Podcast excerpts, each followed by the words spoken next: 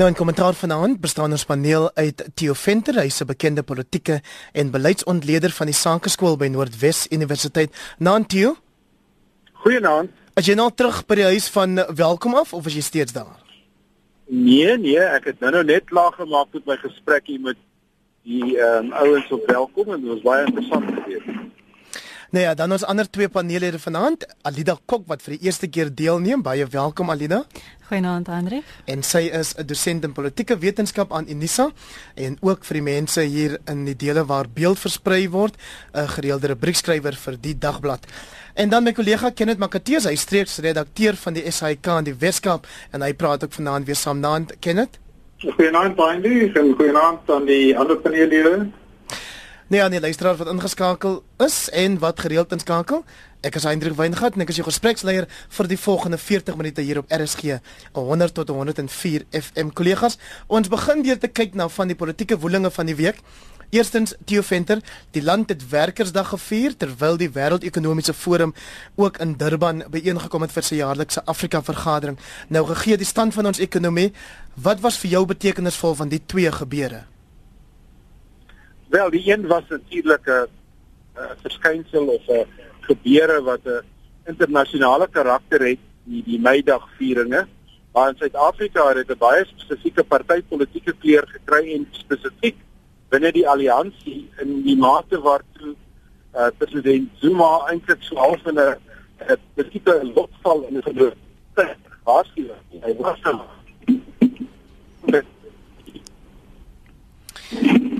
Ja, dit lyk my ons het ons het probleme met met Theo se met Theo se lyn daar so Theo Venter wat Theo is jy weer gehandel? Ja. Theo nee, ons het jou nou verloor daar, daar was 'n bietjie probleme met die ontvangs. Wil jy net herhaal jy het gesê dat in Suid-Afrika het 'n partytetiese klank klank gekry hierdie viering van Werkersdag?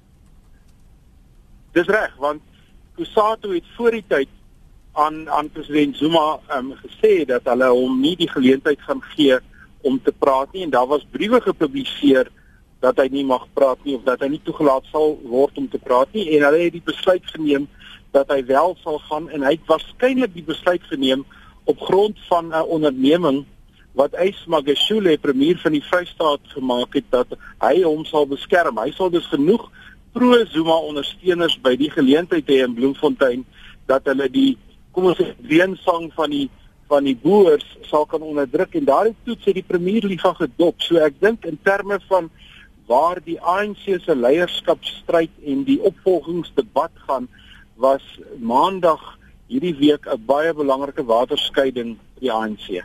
Ek wil eintlik gehad het jy moet ons sal nou nog 'n bietjie meer praat oor die feit dat president Zuma weggeboe is daarvan Kusatu se amptelike vieringe, maar ek wou hê dat jy net ietsie meer sê oor die viering van Werkersdag en en dan spesifiek ook die feit dat die Wêreldekonomiese Forum juis nou hier vergader of vergader het. Ja, die die viering is natuurlik 'n uh, amper 'n um, uh, uh, solidariteitsbeweging tussen al die ehm um, werkersverenigings en vakbonde en dies meer wêreldwyd en uh Suid-Afrika neem baie aktief daaraan deel soos baie ander groepe.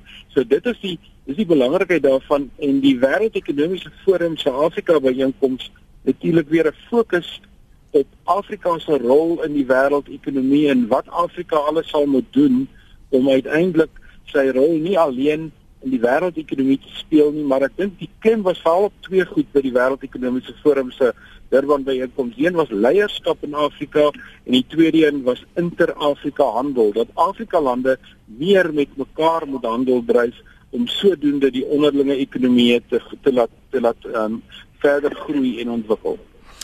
Nou ja, baie dankie daarvoor. Ehm um, Alida Kok het nog gehoor die inleidende woorde daarvan Theo Venter oor die viering van Werkersdag in Suid-Afrika en die Wêreldekonomiese Forum wat hier vergader het. Dit gebeur met 'n werkloosheidsyfer van seker 25% indien dit nie meer is nie en dan is ons nuwe gunsteling uh term radikale ekonomiese transformasie ook daar in Durban gehoor. Die ironie as jy kyk na die wêreld ekonomiese forum eerstens vir ons by Durban uitkom is dat 'n uh, uh, radikale ekonomie ekonomiese transformasie of RET, een van die akronieme wat ons die afgelope tyd gebruik, um, was minder genoem, spesifiek deur Malusi Gigaba, hy het die term een keer genoem. En natuurlik volgens die tema wat gebruik was in hierdie konteks is inklusiewe groei meer gebruik.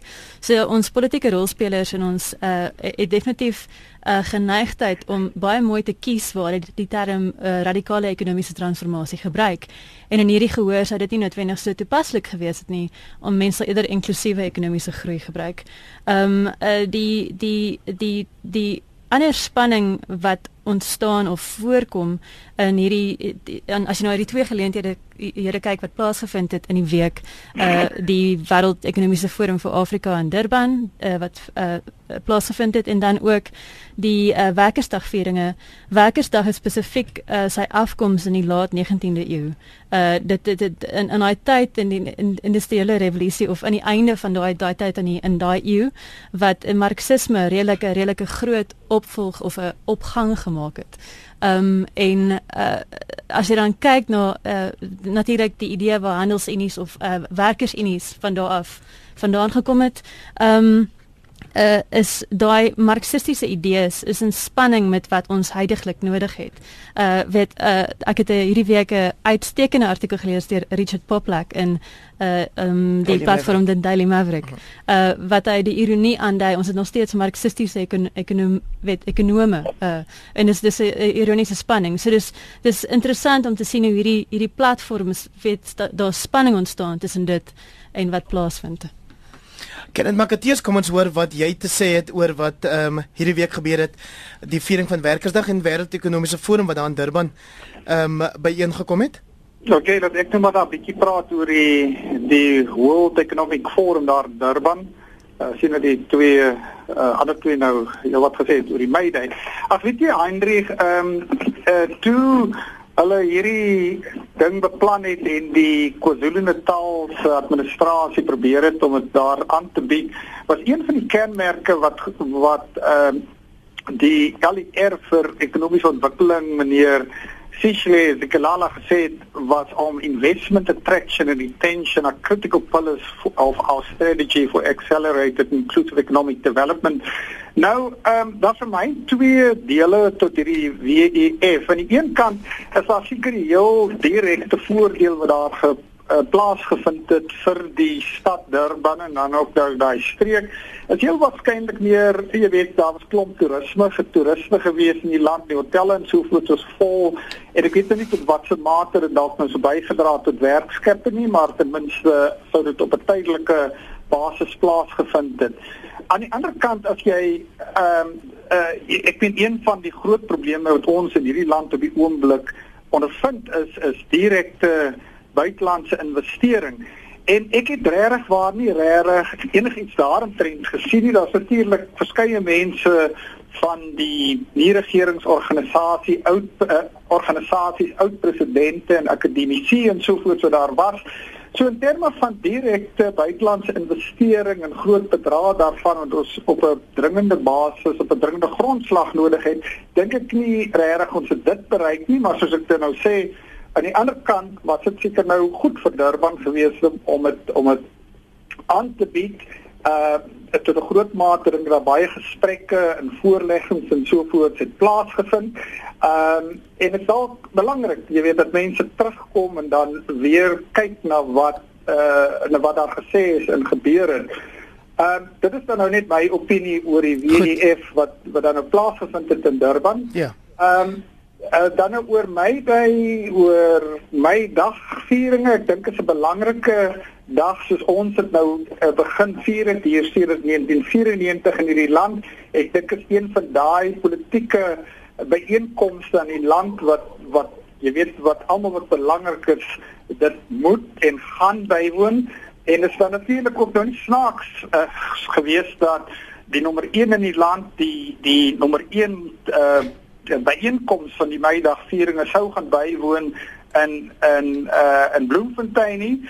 Ehm um, jy weet want die president van COSATU se daar wees, uh die sekretaris-generaal van die SAKP en dit was natuurlik aanvanklik toe besluit heel logies dat die president sou gaan wat vir my natuurlik interessant gewees het is wat wat gebeur het toe daai aanvanklike besluit geneem is. Jy weet nadat Nahawu toe 'n verklaring uitgereik het en hulle bedenkinge uitgespreek het oor die president, so dat toe wat die spreker daar gaan wees en toe nou ook gevolg was deur die Communications Workers Union en daarna uh het SATU ook 'n verklaring uitgereik en hulle ontevredenheid uitgespreek daaroor dat die dat die organiseerders toe daarvan nog steeds voortgegaan het en dat die president so gekom het want ek dink op daai stadium sou dit tog uh, moes jy weet gekyk het wat is die strategie hier wat verwag ons wie kom en en gaan daar mense wees probleme en goed gaan skep en dit is dan nou wat Theo dan nou vroeër gesê het dat uh meneer Eisma Kashule wat nou die gas hier tot 'n groot ja, mate ja. wat daarvan was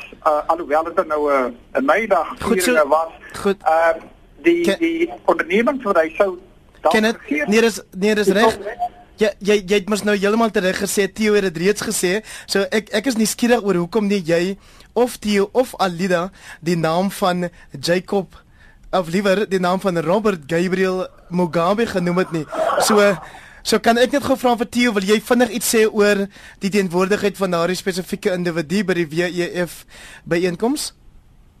Ja, ek wil kortliks twee goed sê. Die een is dit natuurlik dat uh, die die konferensie gaan in 'n hoof saak oor leierskap en dan bring hulle hierdie Afrika anomalie om 'n klomp um, goed kwyt te raak en ek dink mense het hom in 'n sekere sin reeds verdiskonteer. Ek dink nie iemand neem hom ernstig op nie, maar hulle moet hom maar eenvoudig uitnooi. Maar die tweede ding wat baie belangrik was wat ons ook moet neerstip en dit is dat tussen Meidag en die World Economic Forum staan daar 'n nuwe debat. Dit is die vierde industriële revolusie wat natuurlik baie groot impak het op hoe die wêreldekonomie gaan lyk en waar Suid-Afrika uiteindelik heen op pad is. En ek dink dit was baie groter debatspunte as meneer Mugabe self. Alidan tog het meneer Mugabe self gesê hy reken Zimbabwe is na Suid-Afrika die mees ontwikkelde land in Afrika. Dis korrek en hy het ook geslaap tydens 'n sessie by die Wêreldekonomiese Forum vir Afrika. Ehm um, ek dink uh iets dit dis eintlik uh redelik ernstig alhoewel die media natuurlik 'n groter sensasie daarvan geskep het en dit belangriker gemaak het ek dink dit wat wat dit is. Maar dit dit dui ook op iets belangriks ek dink op ons kontinent. Daar's 'n verwronge idee van tradisionalisme. Ehm um, wat op die einde van die dag 'n swart skap 'n swart gat skep vir 'n vorm van nuwe patrimonialisme of of korrupsie of mag magmisbruik. En ek dink Robert Mugabe uit en uit in hierdie konteks speel dit briljant uit. En die feit dat Jacob Zuma hom uh, na die tyd ondersteun het in sy stelling ook. Mm. Uh so daai verwronge idee van tradisionalisme en uh, uh, op die einde van die dag as ek dit sê beteken dit ek nie dat tradisionele aspekte nie gerespekteer moet word nie. Dis absoluut glad nie wat ek sê nie. Uh maar ons gaan uh uh, ons moet 'n stelsel hê wat ons wel kan kritiseer, wat ons wel kan be beïnvloed van buitekant af. En hierdie vervronge idee van tradisionalisme maak dit ons dit nie kan uh, kritiseer of nie kan uh, wegskuif of aanspreek nie.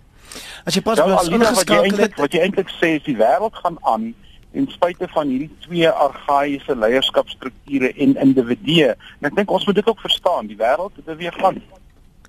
Ja, dis dis korrek. Ehm um, ek, ek dink uh skus ek oor my eie stem. Ehm um, die die probleem is dat uh en ek dink dis wat hierdie twee geleenthede in die week 'n uh, spanning geskep het wat wat op die einde van die dag gebeur het is ehm um, die wêreld gaan aan, die wêreldekonomiese forum en die die internasionale globale ekonomie waarin ons wel geplaas is, is besig om voort te gaan en ons ons raak vasgevang in redelike moddergevegte in in jy weet op die kontinent en in ons eie land. As jy pas by ons ingeskakel het, dis die stem van Alida Kok. Sy is 'n dosent in politieke wetenskap aan Unisa en sy maak vanaand deel uit van die kommentaarpaneel saam met Theo Venter en Kenneth Makateer. Theo Venter synde 'n politieke en beleidsontleder van die Sakeskool by Noordwes Universiteit en Kenneth Makateer die streeksredakteur van die SAK in die Weskaap. Kenneth, ek kom terug na jou toe en ek wil vir jou vra oor jy het verwys nou na die geboel van president of teen president Zuma wat gemaak het dat Kusatu toe uiteindelik sy amptelike werkersdagvieringe gekanselleer het of afgestel het wat ook hierdie week gebeur het is dat die president by die WEF of daar in Durban gesê het die rede hoekom hy sy kabinet verander het die ander dag was om meer jeugdigheid in te bring jonger lede aan te stel maar die hof het beslis dat die DA se aansoek dat hy amptelik moet verduidelik binne die volgende 5 dae waarom hy bepaald vir Pravin Gordhan in die pad gesteek het, moet verduidelik jou reaksie daarop. OK, Heinrich, ja, net gou uh, iets wat jy my onderbreek het. Uh, ek wil net sê oor Ysmakashule wat my bring by die by die sogenaamde hierdie premiersliga.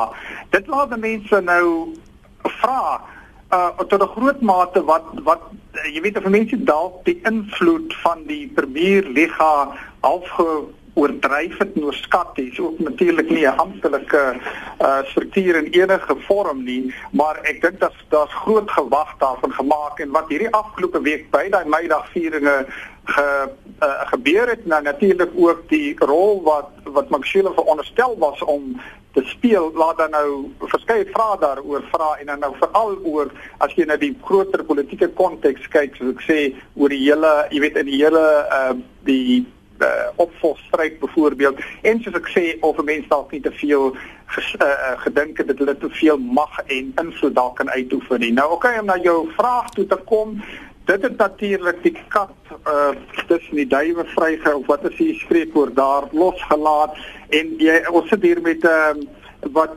uh die uh, regter bevind dat president Zuma moet binne 5 dae vyf werkslae moet sê moet hy sê redes en dan nou ook dokumente waarop hy se besluit gegrond het om sy kabinet te hersaam te stel moet hy in die hof oorhandig en daai 5 dae staan nou teen donderdag. En ehm um, kort daarna die ANC toe nou ehm um, 'n verklaring uitgereik en hulle verskriklik ontstel gewees oor wat die regter gesê het.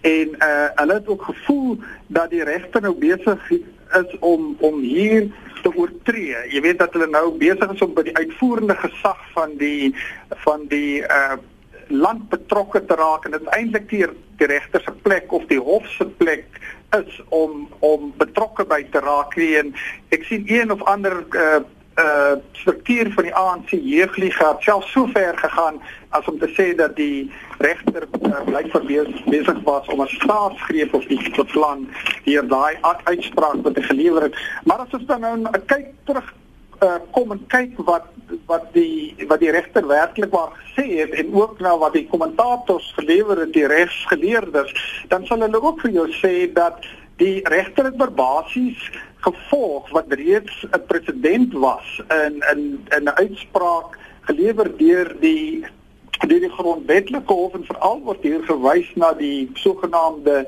Hugo uitspraak en dit het basies daarop gekom ja die die president het sy sy mag en hy punt sy mag op uh, jy weet uit die grondwet uit maar dat sy besluite uh op rasionaliteit gegrond moet wees en ek dink wat die ehm um, DA met hulle hof aansoek hier probeer doen het was om te bewys dat die dat die besluit wat president Zuma geneem het om die finansie uh, minister en ook sy adjunkt uh, weg te laat was irrasioneel geweest. Nou ehm um, ek dink daar is algemene ooreenstemming daaroor dat dit nogal baie moeilik sal wees vir die vir die hof om dan nou ehm um, uh, president Zuma se besluit ag ek ja se besluit om sy kabinet hersaam te stel ongedaan te maak en sy die hof natuurlik bevind dat die besluit irrasioneel geneem was en as en voordat die hof natuurlik daai besluit kan gaan neem sal president Zuma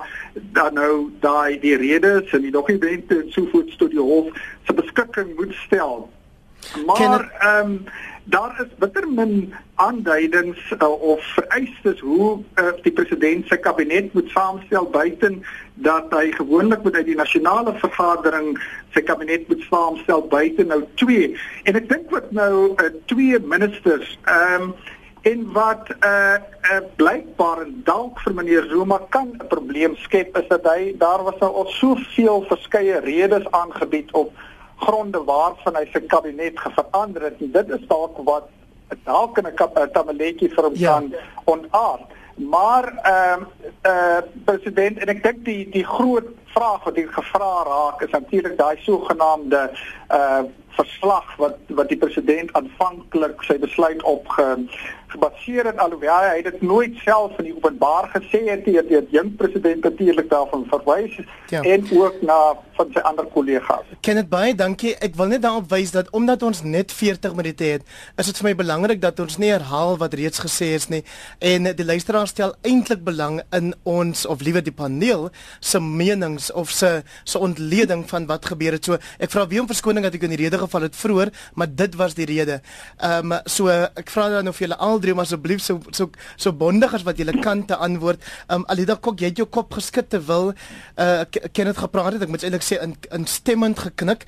Um, en ek dink die kwessie wat aangespreek moet word is die die presidensiële prerogatief wat natuurlik seker die struikelblok is as hof sê verduidelik en die president sê maar eintlik sê die grondwet ek het die reg om te besluit wie ek aanstel en wie ek afdank sonder om te verduidelik. Ja, ons grondwetlike stelsel word lekker warm gebruik op die oomblik. As jy byvoorbeeld dink aan ons land se grondwet as 'n uh, stelsel wat 'n sekere wat pipe of plumbing het, ehm um, word is daar sekere maniere hoe ons kan seker maak dat stopsels in die stelsel uitgewerk kan word. Ehm um, en en eh, weet die die die gebruik van die regsprekende gesag uh, daar's baie kritiek daaroor en dat dit 'n oortreding van ons verdeling van magte is. Ehm um, maar dan natuurlik die president wat ek wys op sy presidentsiële presidensiële prerogatief. Ehm um, hierdie stelsel word gebruik en en dit is hoe ons dit lewendig kan maak. Ehm um, weet op dieselfde wyse kan jy byvoorbeeld uh, ook argumenteer of wys na die en dit dit gaan 'n bietjie weer terug na wat ons eerstens gesê het maar ek wil net byvoeg. Ehm um, die die uh, hoe president Zuma weggeboe was en sy reaksie op dit na die tyd wat hy gesê het weet uh, wat hy tydens toespraak gesê het mense weet lyk like my nie wat demokrasie is nie. Mm. Demokrasie is ehm um, juis die, die geleentheid om vir die mense die geleentheid om te kan uh, sê dat hulle het 'n probleem om misnoot te kan toon om te kan proteseer en en dat dit juis wat is wat aangaan. So hy het hy het, hy het probeer ehm um, hierdie ding heeltemal verdraai en wys dat dit juis 'n demokratiese stelsel is en asof hy in die by die goeie kant of die goeie bootjie is wat dit betref. Ehm um, so maar maar op daai selfde wyse, ek dink dis die burgerlike samelewing is weer eens is is 'n 'n 'n rolspeler wat maak dat hierdie stopsels in die stelsel aangespreek word. Theo Venter dalk is dit dan ook 'n kwessie die definisie van 'n demokrasie in Suid-Afrika vandag wat die nasionale stigtingsdialoog inisiatief moet voeg by hulle sakelys die dan nou die byeenkoms van oud-presidente F.W. de Klerk, Thabo Mbeki en Kgalema Motlanthe die afgelope Vrydag hier in Park Parktown hier in in Johannesburg. Uh die die groot vraag wat dan gevra is is waarom hierdie nasionale dialoog nodig is en die antwoord dink ek is baie duidelik geweest dat wat jy tans ervaar in die land onder die presidentskap van Jacob Gedlestek Zuma is nie die gewenste of die ja situasie nie. Jou reaksie? Ja, ek het ek sou amper gedink het ons moet jou oor die vraag vra want jy het dit self bygewoon, maar my siening is 'n baie noodsaaklike gesprek en hierdie gesprek saam met 'n klomp ander goed wat gebeur insluitend wat Alida gesê het wat betogings aan hele hof gebeur, optogte wat plaasvind, mense wat betogings hou, al hierdie goed saam vorm 'n kompleks van bedrywighede wat ons op die oomblik in die Suid-Afrikaanse politiek sien. Dit is uiters noodsaaklik dat oud leiers en oud staatsmanne en belangrike meningsvormers bymekaar kom en rigting aandui want dit is op die oomblik wat in die politiek kort kom. Niemand het duidelike rigting wat die pad vorentoe is nie. Ken dit maak 'n uh, eh. reaksie op die byeenkoms?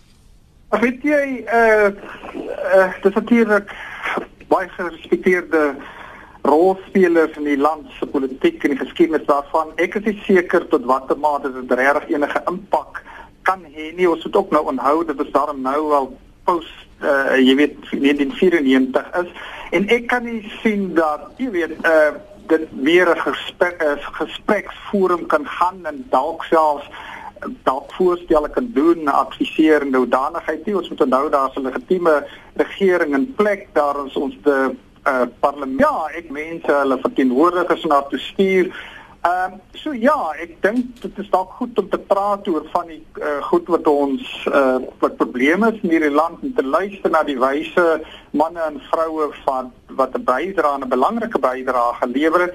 Maar meer as dit weet ek nie regtig waar wat die impak daarvan gaan wees nie. Ek was nogal skepties geweest toe ek uh, van die Nasionale Stigtingsdialoog inisiatief gehoor het en uh, spesifiek toe ek begin luister het na wat Dr Teens Elof die voorsitter van die Evie de Klerk Stichting uh, hoe hy dit verduidelik het. Ehm um, my eerste reaksie daarop was dat dit 'n uh, bietjie op die romanse van die verlede kan ry kan ry, weet die rigte van kan ry. As jy byvoorbeeld dink byvoorbeeld aan Frederik van Sail Slabbert of die samesprekings wat in die die vroeë 90's gebeur het, daar's 'n sekere beeld wat daaraan gekoppel is, spesifiek die vrede samesprekings in die rol van straatkomitees. Ehm um, en ek weet ook spesifiek uh, teens Elof het verwys dat uh die die modellering van hierdie inisiatief uh, vind hoofsaaklik plaas op die idee van die vredesamesprekings en die straatkomitee spesifiek. Ehm um, uh, maar toe ek begin luister na hoe die inisiatief homself bemark in die Afrikaanse media en ook die Engelse media en ek dink hulle kry dit nogal redelik goed reg om 'n goeie of 'n beeld oor te dra aan 'n spesifieke teikengehore op suksesvolle wyse. So ek dink daar mag dalk uh, daar daar gaan 'n interessante ding dalk verder hiervan afkom. Ehm um, uh, en uh, ook uh, my uh, uh, interessante ding hiervan af wat ons ook in ag moet neem As jy kyk na spesifiek hoe uh, Dr. Elof uh, verduidelik het hoe die inisiatief homself modelleer en waarop dit gebaseer is. Ehm um, en die die idees wat hy gebruik het of die voorbeelde, byvoorbeeld van straatkomitees, daar's 'n sekere tipe ehm uh, ek wil nie die woord selfbeskikking gebruik nie, maar 'n self delivery, 'n selfbeheer wat wat hier uh, wat teenwoordig is. En ek dink hierdie idee gaan baie belangrik of meer belangrik word in ons politieke toekoms in Suid-Afrika. Uh dit sluit aan by die die gesprek wat ons moontlik mag hê oor Karel Skooman byvoorbeeld en die idees van selfbeskikking daar. Theo Venter, so as jy op 27 April beeld gelees het, sou jy gesien het die einste Alida Kok skryf daar oor 'n gesprek wat sy met 'n lid van die Europese diplomatieke gemeenskap gehad het en dit het spesifiek spesifiek gegaan oor die algemene persepsie van 'n Afrikaner hier in in sy of haar tuisland. Uh, ek dink dit vind goeie aansluiting by die idee van 'n nasionale dialoog. Ek haal sommer hier aan in die groeiende afwesigheid van 'n funksionele staat se formele strukture bied parallelle polisse spasie vir mense om op 'n alternatiewe en vrye manier deel te neem in 'n burgerlike samelewing en dan spring ek die alternatiewe deelnemers bring die korrupte aard van die nie funksionele uitvoerende gesag al hoe meer op die voorgrond Mense skree spreekwoordelik dat die keiser nie klere aan het nie en kan lei tot algemene politieke hernuwing. Is dit dink jy die einddoel van hierdie nasionale dialoog? Nee, glad nie. Ek is ek is weer baie skepties oor hierdie selfbeskikking-idee. Ek het 'n ek het 'n idee dit is van die begin af verkeerd gehanteer. Suid-Afrika se roete vorentoe is 'n roete van groter samewerking oor verskillende grense heen. Dis nie die verskansing binne sekere grense nie. En ek dink dis die grootste enkele probleem wat daar met selfbeskikking is. Wat ek dink wat in Suid-Afrika moet gebeur is dat ons hierdie skanse eerder moet aanval as kyk ons is in 'n groot mate reeds 'n geprivatiseerde samelewing. Veral as jy in die middelklas en hoër beweeg want jy betaal jou eie radio jy betaal jou eie TV jy betaal jou eie beskerming. Jy's tot 'n groot mate eintlik net afhanklik van die infrastruktuur wat die staat bied op sy paaie en op sy elektrisiteitsnetwerk. En baie mense is selfs onafhanklik van die netwerk. Maar as jy 'n volhoubare land tot stand wil bring dan is dit groter samewerking en dit is in die samewerk waar ons suksese gaan lê eerder as in ek wil amper noem 'n uh, her, her herontdekking van 'n klein apartheid soort van sindroom. Ek moet net reageer op die die idee van selfbeskikking of die parallelle pole spesifiek is juis um, om 'n 'n nie funksionele birokrasie of 'n nie funksionele staat te omseil um, en sodoende jy samewerking te kan laat plaasvind tussen verskillende groepe. Ehm um, selfbeskikking of 'n parallelle pole is nie isolasie nie, inteendeel, dit gaan juis oor integrasie met ander uh, ja, ander funksionerende polisse. Kyk word dit in praktyk word dit isolasie. Jy gaan kyk hoe lyk moderne wêreldlande, Brasilië, Argentinië en dis meer. Dan kyk jy wat is die netto effek van hierdie prosesse en dan kom jy agter die wat het kan vir hulle self sorg en kan vir hulle self goed bestuur en wat nie het nie beweeg al agteruit. Dis nie vir my 'n volhoubare oplossing nie uh op die einde van die dag ehm um, ja ek ek ek ek, ek dink oor wat jy sê ek die die internasionale globale ekonomie is so geïntegreerd En in uh, ek dink uh, ons groot vraag in terme van hierdie idees wat ons het is juis hoe gaan dit deurgevoer word op praktyk. Dis byvoorbeeld die een groot vraag wat uh, ook in dekolonialiteit gevra word in die hele Black Lives Matter movement is jy het spesifieke idees, maar hoe word dit deurgevoer in praktyk? So ek stem met jou saam tot 'n mate. Ehm um, uh, mense moet kyk wat die wat die idees hoe dit hoe dit uitgevoer word in in praktyk. Kenneth Makateers, kan ek met jou praat oor van die kwessies wat uit die gehoor uit uh, aangeroer is Vrydag?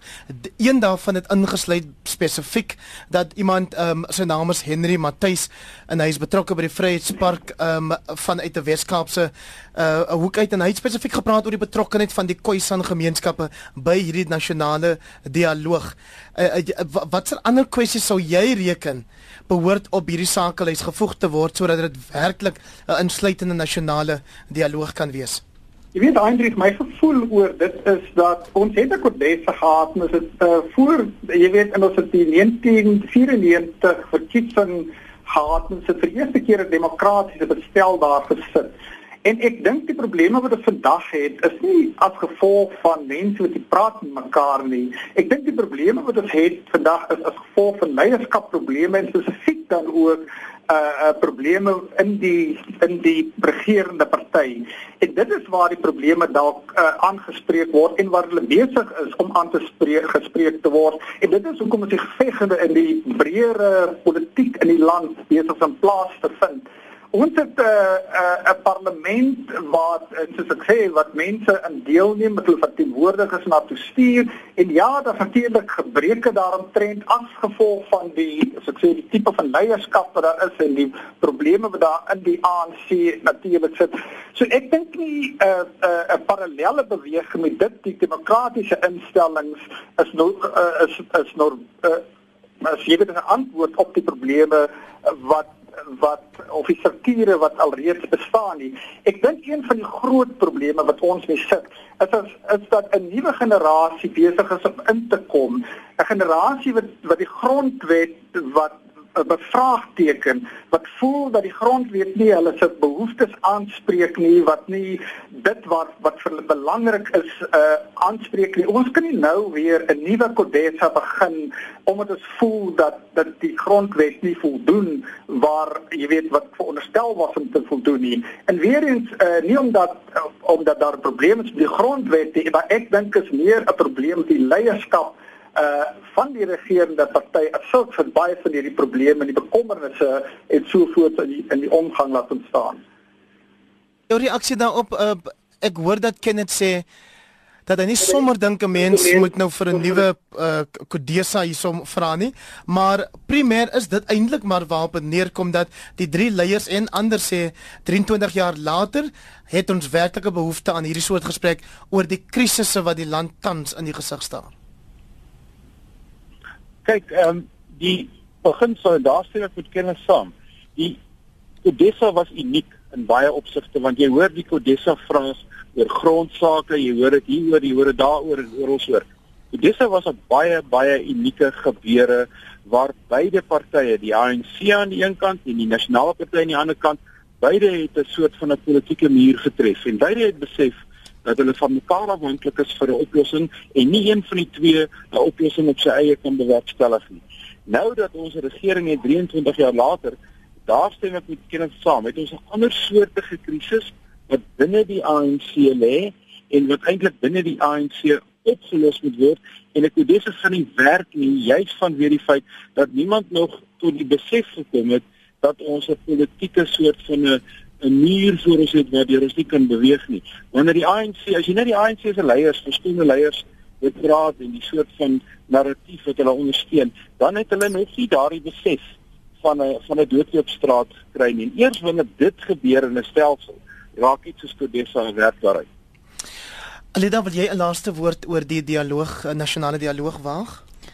Hmm, ehm um, wel ons gaan kyk wat verder gebeur. Uh dit dit is dit het 'n tydlyn van 'n jaar en 'n half tot 2 jaar. So ons gaan kyk wat dit gebeur en ek dink Kenneth het spesifiek genoem. Ek kan nou nie onthou ken of of Theo is nie, maar die die rol van die jeug en die jeug wat spesifieke bydra moet lewer. Uh die jeug was nie betrokke in hierdie eerste fase nie. So ons ons gaan kyk of die idees optel en of dit momentum kry. Ons het 'n geskeduleerde onderhoud met oud-president F.W. de Klerk môreoggend. Nou wat uh, gebeur het Vrydag ook is dat die EFF het daar opgedaag en besluit hulle reken hy behoort nie deel te wees van hierdie dialoog nie. Kan ek vir julle elkeen julle reaksie kortliks daaroor vra asseblief? Alida jy eerste, dan Kenneth en dan Theo daai frustrasie wat uh, die EFF uitspreek teenoor uh, eh, EWS de Klerk wel dis nie eens frustrasie nie dis absolute weet uh, teenstand teen sy betrokkeheid in hierdie konteks sluit aan by by die uh, die uh, byvoorbeeld Blackfirst Landfirst wat 'n uh, 'n saak ingedien het onder andere teen EWS de Klerk vir die uh, moorde wat gepleeg is uh, in die vroeë in die vroeë 90s. Ehm um, so uh, ek dink nie hierdie daai struikelblok gaan nie oorkom word nie. Dit daai frustrasie gaan bly soos wat hy is. Stem jy saam, Kenneth Makateus? Weet jy, ehm um, ek weet nie presies of hulle nou uh, nou nie net spesifiek uh, president de Klerk bedoel nie, maar Ja, hulle noem hom 'n apartheidsmoordenaar, nee. Hulle sê ja, jy weet Ja, ek ek ja, maar maar ek dink my suspicie is dat dat dit dit dit uiteindelik kan breër trek dat hulle tot 'n groot mate seker maar wit mense daarby insluit. Nee, maar hulle doen nie ken dit. Hulle doen ken dit. Hulle is baie ja. duidelik daaroor. Dit gaan oor die persoon F.W. de Klerk wat in die apartheid daar okay, president okay, was. My my antwoord dan nou kort en kragtig daarop is dat ek dink jy kan regtig enige rolspelers of enige mense dan nou uitsluit nie, maar ek wil weer eens die punt maak dat dat ek dink daar's ernstige vrae en veral van 'n nuwe geslag wat na vore tree en voel dat daar 'n proses was wat wat wat wat swart mense in hierdie land uitverkoop het en dat die grondwet 'n groot uh, probleem eintlik is. Nou luister jy na mense soos byvoorbeeld oudregter Albie Sachs weer wat sê dat die grondwet is 'n transformerende dokument en dat die oplossings eintlik deur eh, deur die grondwet gesoek raak en dat dat dit uh dat dit sal help. Dit is besig om om 'n opening te skep sodat ons die probleme kan aanpak wat wat daar bestaan. Jy vind dit Theo Venter? Kyk, jy weet ek klaar met sy Nobelprys wat hy gewen het, het 'n wêreldfiguur geword. En hy word van buite Suid-Afrika baie baie hoër aangeprys en gewaardeer as wat hy deur Suid-Afrikaners oor die in die gemiddeld ehm um, gehanteer word. Ek dink hy het 'n belangrike rol om te speel. Ek dink hy's 'n man met 'n gevorderde leeftyd wat 'n bydrae gemaak het en uh, ek neem dit nie baie ernstig op nie, maar ek dink Ewe de Klerk is groot genoeg om te weet dat as hy 'n probleem in 'n gesprek sou word, sou hy uit so 'n gesprek uittreë. Ons het nog 3 minute oor van vanaand se program. Ek wil baie graag hê Kenneth Makateus dat jy in 40 sekondes vir ons jou indrukke, jou ontleding van die bende geweld op die Kaapse vlakte gee dat weer die afgelope week mense, onskuldige mense gesterf in hierdie heen en weer skietery wat mense so gereeld daar ervaar. Ja, dit is eintlik skokkend. 13 mense in een week. Gister, ag, twee keer het die het die minister van polisie nou daaroor gepraat en het gesê ons gaan, jy weet, jy moet julle deel hierdie kriminele en so voort en ons gaan dit toelaat nie. En die mense wat Elsie se vier maar eintlik net geluister na wat hy sê. Aan die einde van die dag is die een manier hoe om dit aan te spreek is om suksesvolle sake na die hof te bring om mense wat die wet oortree aan te spreek en as ek na die statistiek daarvan kyk raak ek heeltemal mismoedig en 'n uh, 'n jaar of twee se statistiek wat daar slegs 3% suksesvolle ver, vervolgings gewees in hierdie bende geweld. Uh die die die voorsteur van die uh, community policing forum in Elsies rivier het gesê hier in die week dat daar's twee stelsels wat geld. Die een is dit wat ons almal seker maar ken en dis daar 'n ander kriminele stelsel wat mense terroriseer. Jy letterlik hmm uh, hierdie mense as terroriste kan beskryf dat mense eintlik nie hulle vryheid kan geniet en doen wat hulle wil doen wat hulle veronderstel is om te doen nie, en die beskerming is net nie daar nie. Alida Kok kan ek vir jou vra om in jou eie 40 sekondes vir ons te sê of jy dink dat uh, daar jy weet dat of 'n mens 'n vergelyking kan tref tussen iets wat ons ook hierdie week genoot in 'n onderhoud op monitor om te probeer verstaan of jy dieselfde soort reaksie sien of nie wanneer daar hierdie bendersterftes is teenoor sien nou maar plaasaanvalle. Die jo, twee die twee is nie vergelykbaar nie. Ehm um, ek dink al wat vergelykbaar is tussen die twee is die feit dat ons polisie mag in 'n uh, uh, haglike omstandighede probeer funksioneer. Ons het uh, ek kan nou nie die statistieke, ek het nou juist oor probeer kyk. Die ons het ehm um, min of meer in 2015 het daar aangedui dat ons het verskriklik baie meer privaat sekuriteitsindustrie personeellede. En ons weet dit as dit ons uh, polisie uh, personeel het. En ek dink die laaste getalle was net bo 123000 uh, polisielede. So hierdie moet ek gaan oorseker maak. Maar uh die dit is dit is al wat vergelykbaar is dat ons nie 'n polisie mag het wat wat uh gaan seker maak dat die wet geïmplementeer word nie dat uh, arrestasies plaasvind nie. Daar's nie genoeg voete op die grond nie. Ehm um, maar die ander aspekte as ek dink plaasmoorde is daar isolasie, daar's 'n mate van 'n politieke rede ehm um, en in die die die die, die die sterftes of die moorde wat plaasvind op die Kaapse vlakte het 'n ander rede. Theo Venter, ons het 10 sekondes oor asseblief. Theo ja, wel ek sê vir ek sê met Alira saam ten opsigte van die polisie se onvermoë en as ons net drie goeders noem waar die polisie weer nie gewees het waar hulle nie was nie is in Polini. Vanmiddag weer toe die president uitgejou is op Bewani waar toe die president ook nie opgedaag nie. En ek dink dis die groot uitdaging. Wet en orde kort nuwe fokus. daarmee het ons ongelukkig verby ons tyd reeds geloop en ek wou nog gepraat het oor die Franse verkiesing maar dit lyk my dat Macron het gewen. Daarso ons sal môreoggend beslis op monitor verder daaroor praat. En Theo Venter ons het 'n baie swak lyn gehad van jou maar ek sal vra dat ons jou volgende week weer nooi sodat jy weer met 'n suiwer stem kan praat op die program. Theo Venter vanaand 'n deel van die eh, kommentaarpaneel saam met Alida Kok van Unisa en Kenneth Makatees van die SAIK in die Wes-Kaap.